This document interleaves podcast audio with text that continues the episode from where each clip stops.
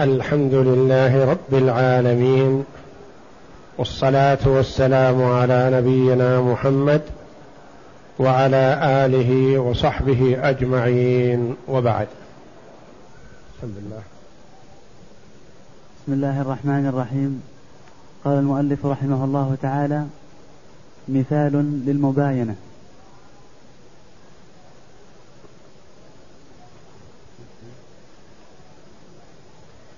نحن في باب التصحيح. وعرفنا الفرق بين التأصيل والتصحيح. والتأصيل هو أقل عدد يخرج منه فرض المسألة أو فروضها بلا كسر. أقل عدد يخرج منه الفرض أو الفروض بلا كسر. والتصحيح هو أقل عدد ينقسم على الورثة بلا كسر.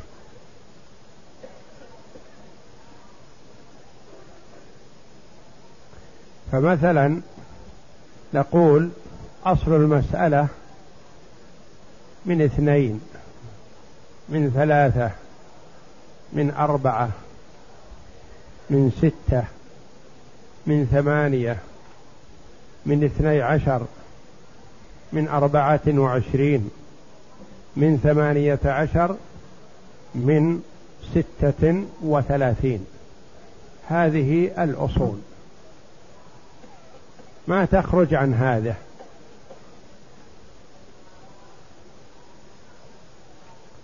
ونختار أقل عدد تخرج منه الفروض الموجودة في المسألة. وأما التصحيح فهو لا حد له. قد تصح المسألة من ثلاثين ألف من خمسين ألف من سبعين ألف. بحسب الانكسار تباينا وعدد الرؤوس ونحو ذلك كما سيأتينا. وأما التأصيل فهو لا يخرج عن هذه التسعة. أصل اثنين وأصل ثلاثة وأصل أربعة وأصل ستة وأصل ثمانية وأصل اثني عشر وأصل أربعة وعشرين هذه الأصول المتفق عليها. وأصل ثمانية عشر وأصل ستة وثلاثين المختلف فيها. فهي تسعة أصول فقط.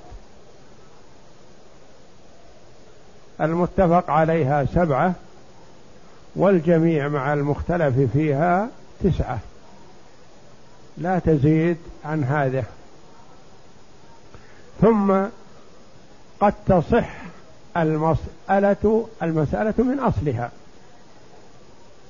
وإن تكن من أصلها تصح فترك تطويل الحساب ربح. هلك هالك عن زوج وأخت شقيقة. نقول المسألة من اثنين للزوج النصف واحد وللأخت الشقيقة النصف واحد. انتهينا. من اثنين. هلك هالك عن زوج وبنت وعم. المسألة من أربعة. للزوج الربع واحد وللبنت النصف اثنان والباقي واحد للعم.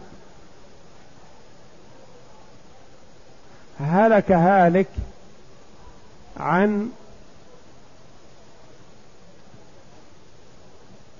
أختين شقيقتين وأختين لأم.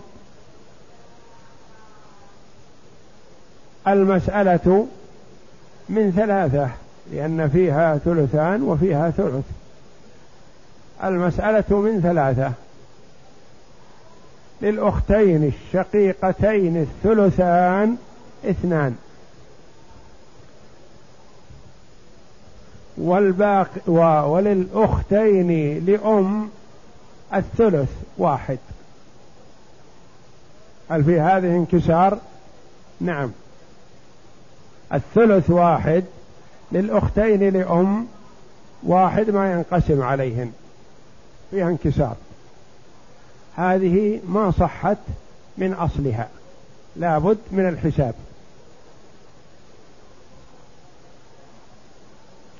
هلك هالك عن زوج وأم وأخت لأم. المسألة من ستة. للزوج النصف ثلاثة. وللأم الثلث اثنان. وللأخت لأم السدس واحد. صحت من أصلها بلا حساب. وهكذا فإذا صحت المسألة من أصلها ما احتجنا للحساب. وعرفنا أن التصحيح هو بمثابة تقويم المريض. كأن الانكسار هذا مرض. فنحاول أن نصححه. نجعله سليم بدل من كونه منكسر.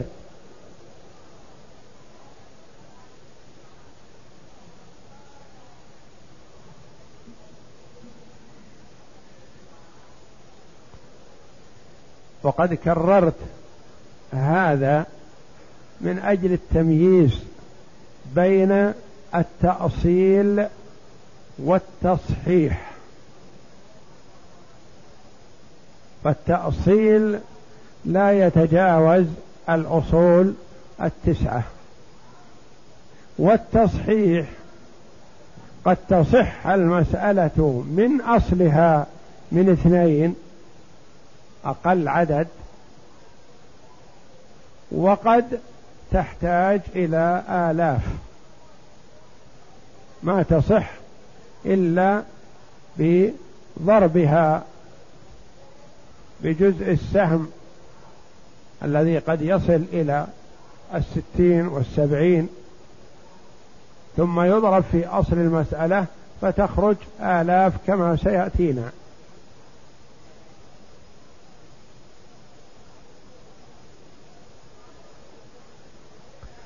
فإن لم تصح من أصلها فلا يخلو إما أن يكون الانكسار على فريق لأن الورثة فرق.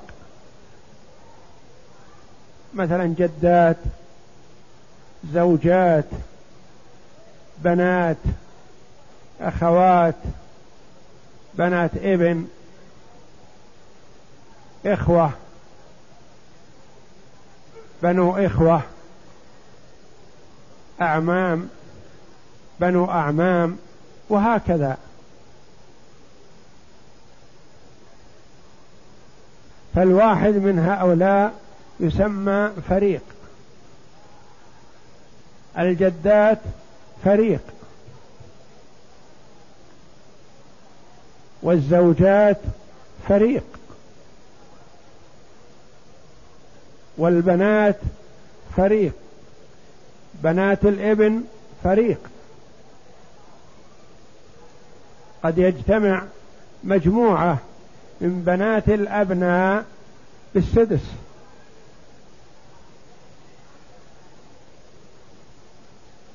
قد يجتمع خمسة عشر أو عشرون بنت ابن بالسدس الواحد. فيسمين فريق.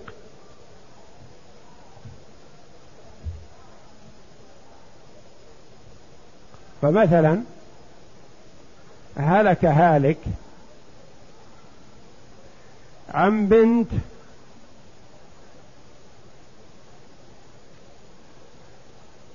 وثلاثين بنت ابن. يصح.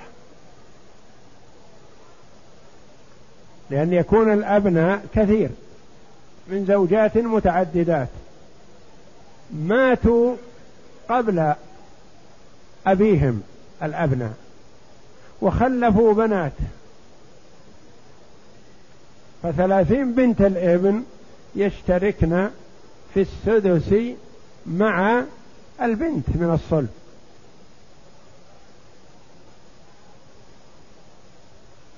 بنت من الصلب لها النصف.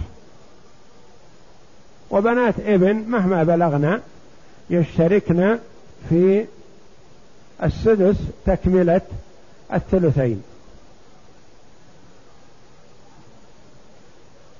ومثله مثلا لو كان أخت شقيقة تأخذ النصف وأخوات لأب مهما بلغنا يشتركن في السدس تكملة الثلثين. وهكذا. إذا فقد يكون الانكسار على فريق واحد. وقد يكون الانكسار على فريقين. وقد يكون الانكسار على ثلاث فرق. وهذا نهاية الانكسار عند المالكية. وقد يكون الانكسار على أربع فرق وهذا نهاية عدد الفرق. عند الأحناف والشافعية والحنابلة. كيف اختلفوا؟ نعم. لأن المالكية لا يورثون إلا جدتين.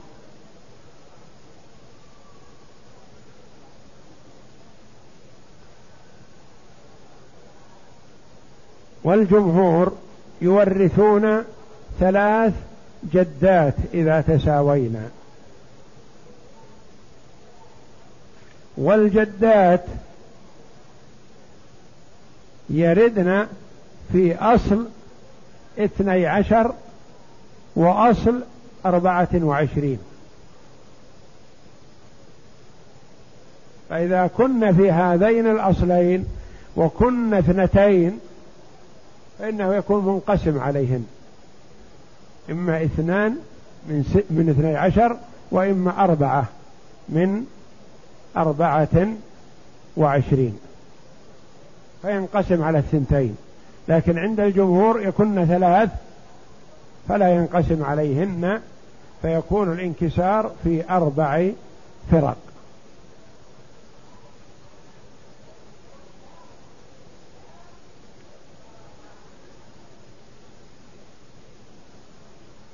إذا فالانكسار يكون على فريق واحد ويكون على فريقين ويكون على ثلاث فرق ويكون على أربع فرق وهذا نهاية الفرق. أربع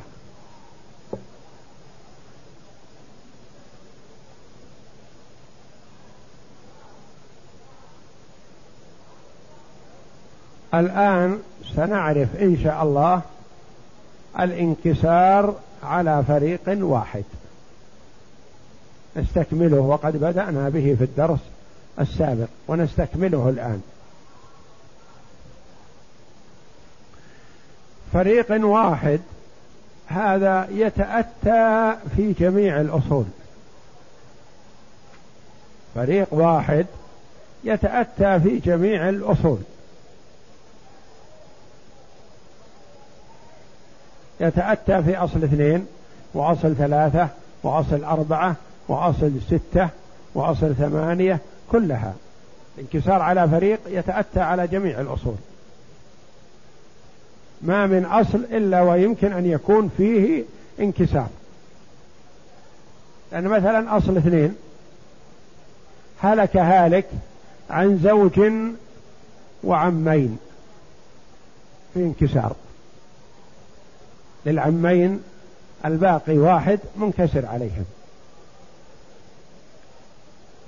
أصل ثلاثة هلك هالك عن أختين شقيقتين وأختين لأم. منكسر لأن الأختين لأم واحد. أصل أربعة هلك هالك عن زوج وأربعة أبناء. منكسر. لأن الزوج سيأخذ ربع ويبقى ثلاثة والأبناء أربعة منكسر عليهم. إذا فأصل فالانكسار على فريق يتأتى على الجميع. على أصل ستة وعلى أصل ثمانية كذلك. هلك هالك عن زوجة وابنين. منكسر. لأن الزوجة ستأخذ الثمن يبقى سبعة سبعة منكسرة على الاثنين.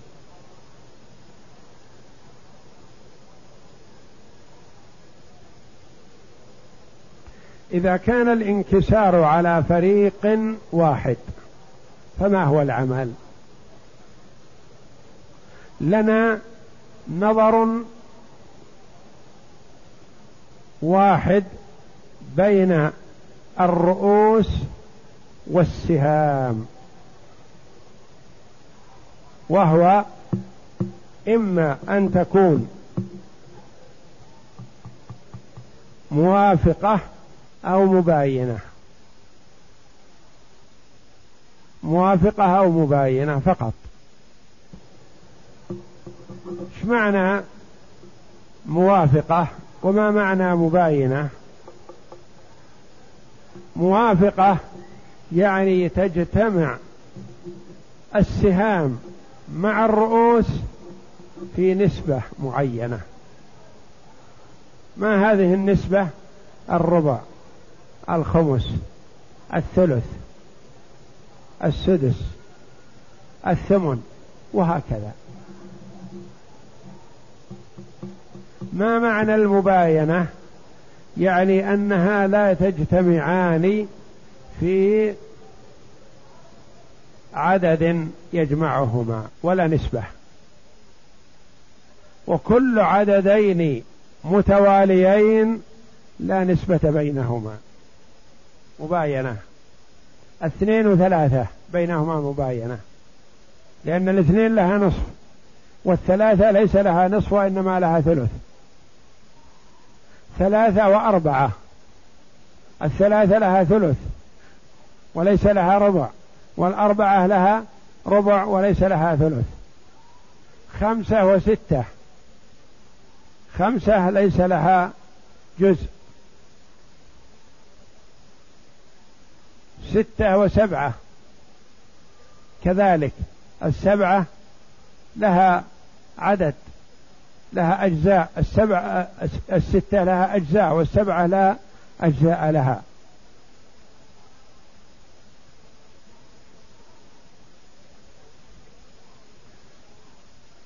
ما المراد بالرؤوس وما المراد بالأنصبة؟ مثلا هلك هالك عن جدة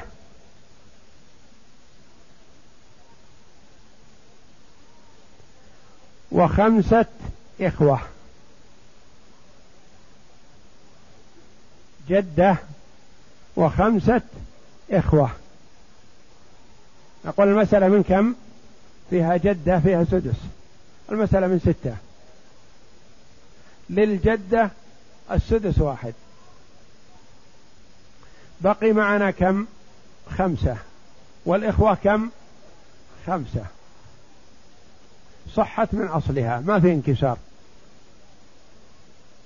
الخمسة الباقية من الستة يأخذها الإخوة كل واحد واحد. وهذه صحت من أصلها لا انكسار فيها. هلك هالك عن جدة وأربعة إخوة. جدة وأربعة إخوة. المسألة من ستة. للجدة السدس واحد. بقي كم؟ خمسة. الخمسة هذه لمن؟ لأربعة الإخوة. الإخوة الأربعة هذه ماذا نسميها؟ هذه الرؤوس. والخمسة ماذا نسميها؟ الأنصبة نصيبهم. الخمسة منقسمة على الأربعة؟ لا. هل بين الخمسة والأربعة نسبة في جزء معين؟ الخمسة لها خمس فقط. والأربعة لها نصف ولها ربع لكن ما لها خمس.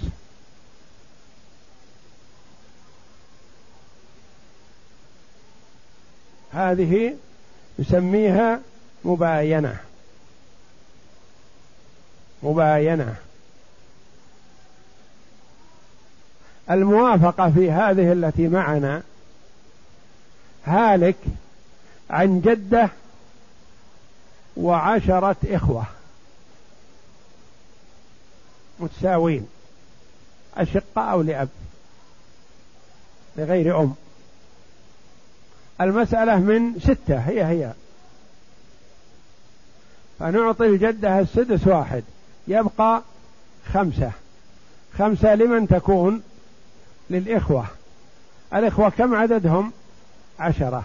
هل تنقسم الخمسة على العشرة؟ لا. يعني ما في عندنا كسر. ما نقول لكل واحد النصف. لا. ننظر بين الخمسة التي هي السهام والعشرة التي هي الرؤوس. نجد بينهما موافقة في جزء من الأجزاء. الخمسة لها خمس. والعشرة لها خمس. الخمسة خمسها واحد والعشرة خمسها اثنان.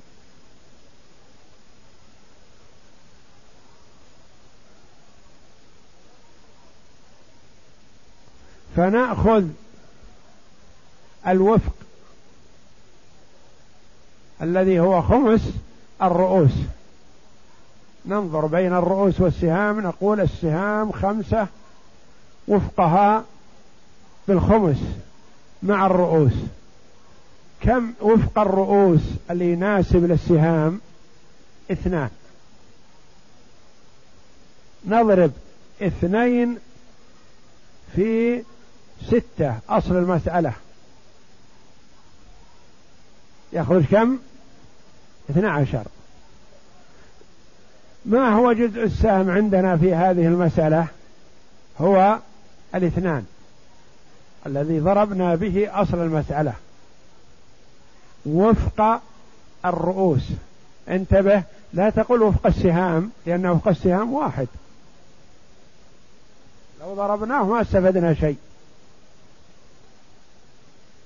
وإنما نأخذ وفق الرؤوس.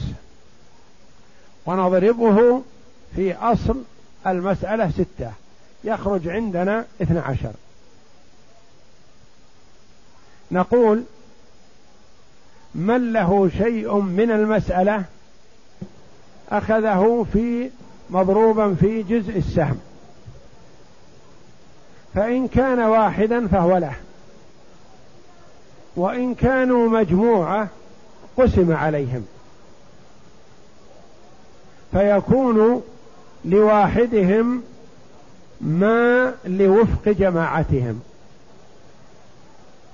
فنقول مثلا للجدة واحد في اثنين باثنين أخذت اثنين من اثنى عشر هو هو ما نقصناه ولا زدناه. واحد من ستة أو تأخذ اثنين من اثني عشر سواء. للإخوة عشرة هم كم لهم جميع سابقا؟ لهم خمسة. نضربه في كم؟ في اثنين التي هي وفق رؤوسهم.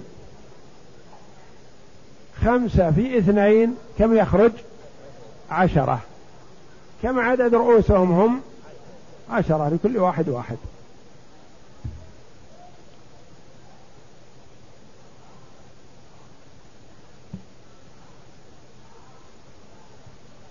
يعني أصل المسألة من اثني عشر.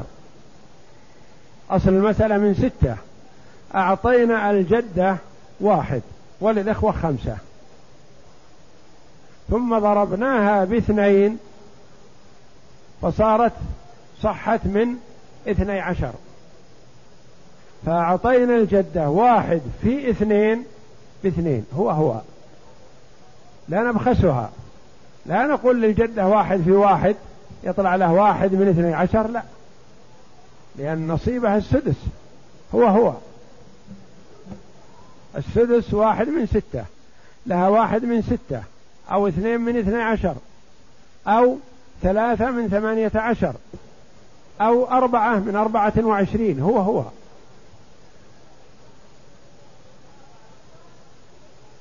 وإنما نكرر العدد لأجل ينقسم على الإخوة.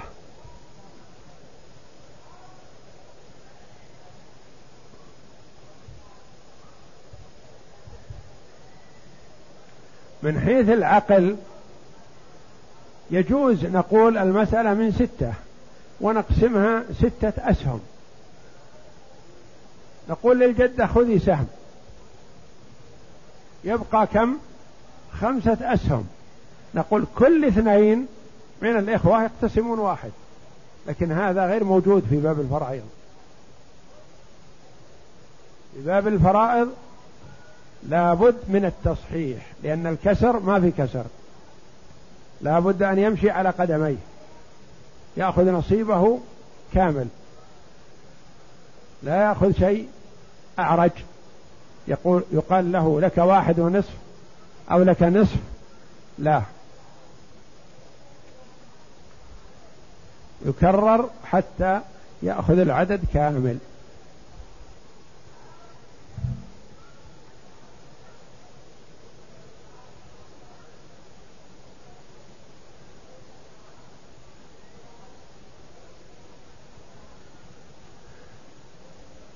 هلك هالك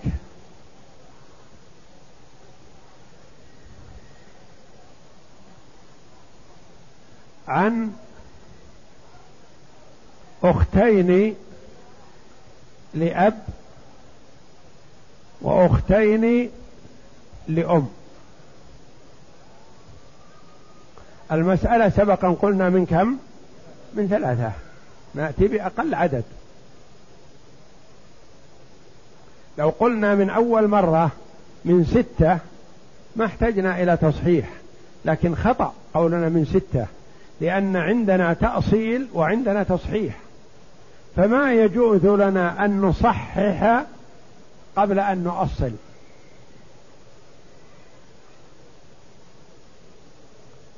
هل يجوز أن نأخذ الولد من الابتدائي وندخله الجامعة على طول؟ لا. أو نأخذ الابتدائي الولد من بيت أهله وندخله في المتوسط؟ لا. لابد من الخطوات المعروفة. فهذه المسألة التي معنا مثلا لو قال قائل قولوا من ستة من أول مرة واستريحوا أعطوا الأخوات الشقيقات أربعة منقسم عليهن لكل واحدة تأخذ اثنين وأعطوا الأخوات لأم اثنين كل واحدة تأخذ واحد. نقول لا هذا خطأ. أول التأصيل ثم بعده التصحيح. فنقول أصل المسألة فيها ثلثان وثلث تقدم لنا أنها تكون من ثلاثة. للأختين الشقيقتين الثلثان اثنان. وللأختين لأم الثلث واحد. نريد أن نقسم. فنقول الأختان لأم اثنتان لهن واحد. ما يصح منكسر. ننظر بين الواحد والاثنين هل بينهما نسبة تناسب في جزء من الأجزاء؟ لا. لأن الواحد واحد ما له أجزاء ما يمكن أن يحلل الاثنين ممكن يكون لها نصف. لكن الواحد ما له إلا كسر. فنقول بين الاثنين الرؤوس والواحد السهام مباينة. فنضرب الرؤوس جزء السهم. نضرب اثنين في ثلاثة. يخرج معنا العدد الذي قلنا قبل ستة. لكن مشينا بالخطوات. مشينا الولد معنا من الابتدائي حتى المتوسط حتى الثانوي حتى الجامعة. تخرج. فكذلك هنا قلنا من ثلاثة. ثم صححنا. أصلنا أولا ثم صححنا.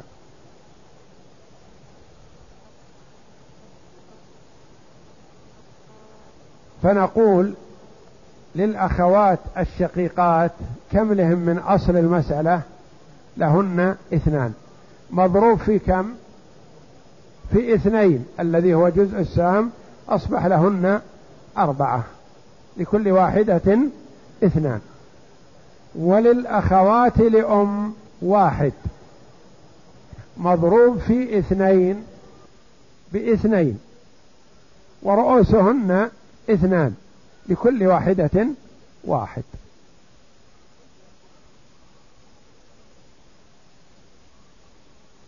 أخوات الشقيقات اثنتان لهن في الأصل اثنان من ثلاثة. أصبح لهن أربعة من ستة. هو هو. ما تغير شيء. للأخوات لأم واحد من ثلاثة. بعد التصحيح صار لهن اثنان من ستة هو هو ما تغير شيء. إلا أننا ضاعفنا العدد حتى ينقسم على الجميع بلا كسر. اقرأ فإن لم تصح. فإن لم تصح من أصلها أو من أولها إن كانت عائلة فلا يخلو إما أن يكون الانكسار على فريق أو فريقين أو أكثر. على فريق. أو على فريقين أو على ثلاثة أو على أربعة ولا يكون أكثر من أربعة. وعند المالكية لا يكون الانكسار أكثر من على فريق على ثلاث فرق. وعندنا وعند الأحناف والشافعية يكون الانكسار على أربع فرق. نعم. وعرفنا الفرق الذي هم المجموعة من الورثة الذين لهم سهم واحد. أخوات شقيقات أخوات لأب أخوات لأم إخوة أبناء بنات بنات ابن زوجات جدات وهكذا. نعم. فإن كان الانكسار على فريق واحد ويتصور في كل أصل من الأصول التسعة فلا يخلو من أحد شيئين. إما أن تبين سهامه يعني الانكسار على فريق يتأتى على جميع الأصول التسعة. ما يقال إن أصل من الأصول ما ما يتأتى فيه الانكسار لا. ما من أصل إلا ويتأتى فيه الانكسار. نعم. فإن باينت سهام رؤوسه صارت رؤوسه هي جزء السهم فتضرب بها في أصل المسألة أو في عولها إن كانت عائلة. فما بلغ منه تصح ثم تقسمه فمن له من المسألة شيء أخذه أخذه مضروبا في جزء السهم فإن كان واحدا أخذه وإن كان فريقا فاقسمه عليهم وتقول لواحدهم ما لجماعتهم قبل الضرب. وإن وافقت رؤوسه سهامه أي شاركته في جزء. وإن وافقت رؤوسه سهامه. رؤوسه فاعل سهامه مفعول ويصح العكس. وإن وافقت رؤوسه سهامه يصح تقديم المفعول وتأخيره. أي شاركته في جزء أو أجزاء. نعم. أو شاركته في جزء أو أجزاء رددت الرؤوس إلى وفقها فيكون الوفق هو جزء السهم. تضربه في أصل المسألة أو في عولها إن كانت عائلة فما بلغ فمنه تصح. فإذا أردت القسم فمن له شيء من المسألة أخذه مضروبا في جزء السهم أو تقول لواحدهم ما لوفق جماعتهم قبل ما جماعته قبل الضرب. نعم. مثال؟ مثال للمباينة زوج مثال و... للمباينة يعني الرؤوس باينت السهام. ويصح أن تقول السهام باينت الرؤوس يعني ما بينهما نسبة. عرفنا الذي بينهم نسبة مثل ثلاثة وستة. بينهما نسبة بماذا؟ بالثلث. الثلاثة لها ثلث والستة لها ثلث. ثلاثة وتسعة. بينهما نسبة بالثلث كذلك الاثنان والأربعة بينهما موافقة بينهما نسبة أو موافقة في النصف. الاثنان لها نصف والأربعة لها نصف. الاثنان والستة بينهما موافقة في النصف. الاثنان والثمانية.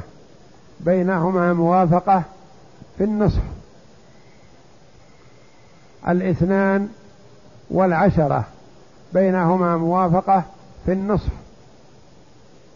الثلاثة والعشرة لا موافقة بينهما. مباينة. الثلاثة والتسعة بينهما موافقة في الثلث.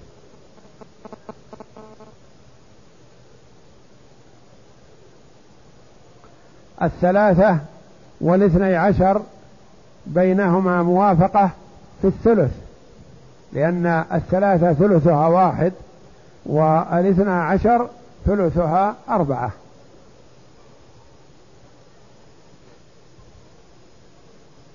الأربعة والثمانية بينهما موافقة في النصف. الأربعة والعشرة بينهما موافقة في النصف. الأربعة والاثني عشر. بينهما موافقة في النصف وفي الربع. وننظر إلى العدد الأقل. الأربعة والاثني عشر بينهما موافقة في النصف لأن الأربعة لها نصف والاثنى عشر لها نصف لكن ما يصح أن نقول موافقة في النصف. ننظر أقل ما يمكن. فنقول بينهما موافقة في الربع. الأربعة لها ربع وهو واحد. والاثنى عشر لها ربع وهو ثلاثة. الثلاثة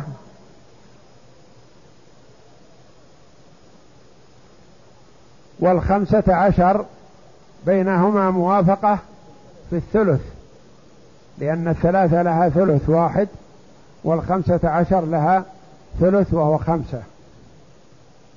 الثلاثة والثمانية عشر بينهما موافقة في الثلث لأن الثلاثة ثلثها واحد والثمانية عشر ثلثها ستة وهكذا. وننظر إلى أقل ما يمكن. مثلا أربعة وأربعة وعشرين مثلا.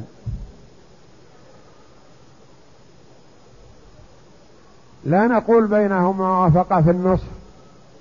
الأربعة لها نصف والأربعة والعشرين لها نصف. لا ننظر للأقل الأربعة لها ربع والأربعة والعشرين لها ربع.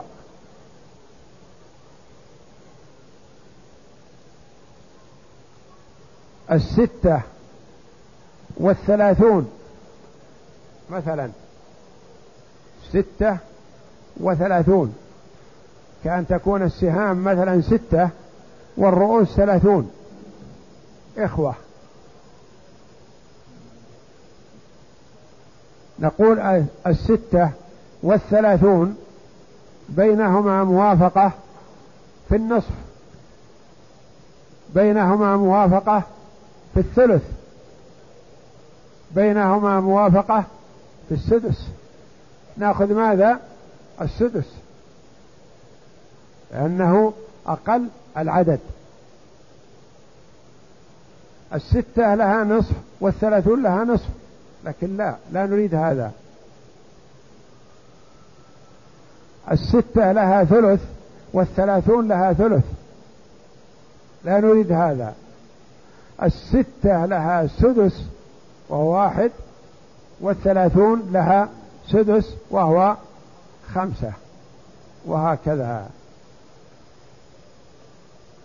نعم. مثال للمباينة. زوج وخمسة بنين. المسألة زوج وخمسة بنين. زوج وخمسة بنين. المسألة من كم؟ من أربعة. للزوج الربع واحد لوجود البنين وللبنين الباقي. الباقي من الأربعة كم؟ ثلاثة. ورؤوسهم خمسة. هل تنقسم الخمسة الثلاثة على الخمسة؟ لا. هل بين الثلاثة والخمسة موافقة في جزء من الأجزاء؟ الثلاثة تقول عندي استعداد ثلث. الخمسة ما لها ثلث. الخمسة تقول عندي استعداد في الخمس. الثلاثة ما عندها استعداد للخمس. إذا بينهما مباينة. إذا لم يتفقا في جزء فيكون بينهم مباينة.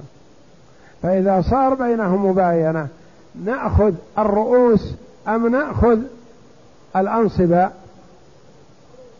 نأخذ الرؤوس. العدد لأننا نريد شيء ينقسم على الرؤوس. فلا نأخذ السهام. لأن لو ضربنا السهام وأردنا مثلا نقسم ما انقسم على الرؤوس. نأخذ شيء يناسب للرؤوس وهو أن نأخذ كامل الرؤوس ونضربها في أصل المسألة. نعم. المسألة من أربعة للزوج الربع واحد. والباقي للبنين لا ينقسم عليهم فهو منكسر ومباين فتكون الرؤوس منكسر ومباين. نعم. فتكون الرؤوس هي جزء السهم. نأخذ الرؤوس ونجعلها جزء السهم. قد يقول قائل لما لا نأخذ السهام ونجعلها جزء السهم؟ نقول لو أخذناها ما استفدنا شيء. ما انقسم لأن نريد نحن إرضاء الرؤوس. نريد إرضاء الرؤوس فنأخذها هي ونضرب بها حتى نعطيها ما تستحق. أما أن نضرب بغيرها ما تصح معنا. لو ضربنا مثلا قلنا أخذنا جزء السهم الذي هو السهام. سهام الأبناء تم ثلاثة.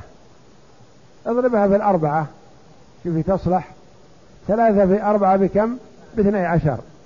عطى الزوج الربع وهو ربع الاثني عشر ثلاثة. إذا أعطينا الزوج ثلاثة كم يبقى من الاثني عشر؟ تسعة. هل تنقسم على الرؤوس الأربعة؟ لا. أو الخمسة؟ ما انقسمت. ما تنقسم. نعم. وإنما جزء السهم هو الرؤوس. نعم. تضربها تضربها في أصل المسألة أربعة فتصح من عشرين للزوج واحد مضروب في جزء السهم خمسة بخمسة. وللبنين ثلاثة الزوج أعطنا واحد من أربعة وبعد الضرب أعطنا خمسة من عشرين. هي هي. ما تغير. واحد من أربعة ربع خمسة من عشرين ربع. نعم. وللبنين ثلاثة مضروب في جزء السهم خمسة. تبلغ خمسة عشر لكل واحد ثلاثة فصار لواحدهم بعد الضرب ما كان لجماعتهم قبل الضرب. فنصيبهم حينئذ بعد الضرب يكون لواحدهم ما لجماعتهم. هذا في حال المباينة. وفي حال الموافقة يكون لواحدهم وفق ما لجماعتهم. وفقه. نعم. مثال للموافقة. أربع أخوات شقائق وعم. المسألة مثال للموافقة. أربع أخوات شقائق وعم. هذا انكسار على فريق واحد. أربع. نعم. المسألة من ثلاثة. للشقيقات الثلثان. المسألة من ثلاثة لأن للأخوات الشقائق الثلثان. وللعم الباقي المسألة من ثلاثة. نعطي الأخوات الشقائق كم؟ اثنين. ويبقى واحد للعم. الأخوات الشقائق كم هن أربع. ونصيبهن اثنان. ما يصلح نقول كل واحدة تأخذ نصف. لا. ننظر بين الاثنين التي هي السهام والأربعة التي هي الرؤوس. وجدنا بينهما موافقة بماذا؟ بالنصف. الأربعة لها نصف والاثنان لها نصف. قد يقول قائل لماذا لا نأخذ العدد الأقل؟ نقول الأربعة لها ربع. صح الأربعة لها ربع. لكن الاثنان هل لها ربع؟ لا ليس لها ربع. إذا نأخذ النسبة التي يتفقان فيها. فنأخذ السهام اثنان والرؤوس أربعة. بينهما موافقة بماذا؟ بالنصف. ماذا نأخذ؟ وفق السهام أم وفق الرؤوس؟ نأخذ وفق الرؤوس دائما. عند المباينة نأخذ كامل الرؤوس عند الموافقة نأخذ وفق السهام. وفق الأربعة كم؟ اثنان لأن نصف الأربعة اثنين ونصف الاثنين واحد. نأخذ وفق الرؤوس اثنان نأخذ الاثنين ونضربها في أصل المسألة كم؟ ثلاثة. صحت من ستة. ثم نعطي. فنقول للأخوات الشقيقات في الأصل كم؟ لهن اثنان. مضروبا في اثنين. كم؟ اثنين في اثنين بأربعة. وعدد رؤوسهن كم؟ أربعة. كل واحدة أخذت واحد. يعني أخذت الواحدة ما لوفق جماعتهن. هن أربعة وسهامهن اثنان. وفق السهام كم هو؟ كان واحد. لأن قلنا الاثنين لها نصف وهو واحد والأربعة لها نصف وهو اثنان. فكان لجماعتهن اثنين في اثنين في اثنين بأربعة. كل واحدة تأخذ واحد. وصار للواحدة منهن وفق ما لجماعتهن. وفق الاثنين واحد. وللعم كم له من المسألة؟ فهو واحد. مضروبا في جزء السهم الذي هو اثنين صار له واحد في اثنين باثنين. هي هي. المسألة من ثلاثة للعم واحد وللأخوات اثنان. إذا صارت من ستة صار للعم اثنين وللأخوات أربعة لكل واحدة واحد. نعم. المسألة من ثلاثة للشقيقات الثلثان اثنان. لا ينقسم عليهن ومنكسر وموافق بالنصف فيثبت نصف نصفهن اثنان وهو جزء السهم والباقي انتبه للموافقة أننا نأخذ الوفق الذي يتفق فيه السهام مع الرؤوس. ولا نقول وفق الأربعة واحد الربع لأن الاثنين ما له ربع. وإنما ننظر العدد الذي يتفقان عليه وهو الثلث أو الربع أو الخمس أو السدس إلى آخره. نعم. والباقي للعم فتضرب أصل المسألة في جزء السهم اثنين فتصح من ستة. للشقائق اثنان في اثنين بأربعة لكل واحدة واحد. وللعم الباقي واحد مضروب بإثنين بإثنين. وصورتها في الجدول باء. انظر الجدول ألف والجدول باء. الجدول ألف عندك الأبناء خمسة وسهامهم ثلاثة. الخمسة والثلاثة بينهن مباينة. وعندك الجدول باء. الشقائق أربع وسهامهن اثنان.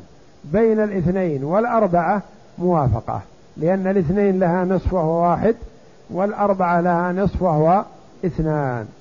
فأخذنا هنا قلنا أصل المسألة الأولى من أربعة لأن فيها ربع.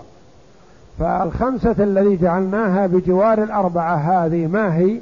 هذه عدد الرؤوس. لما كانت أسفل مع الأبناء هي عدد الرؤوس.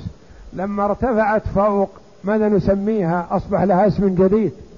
جزء السهم الذي يضرب به أصل المسألة.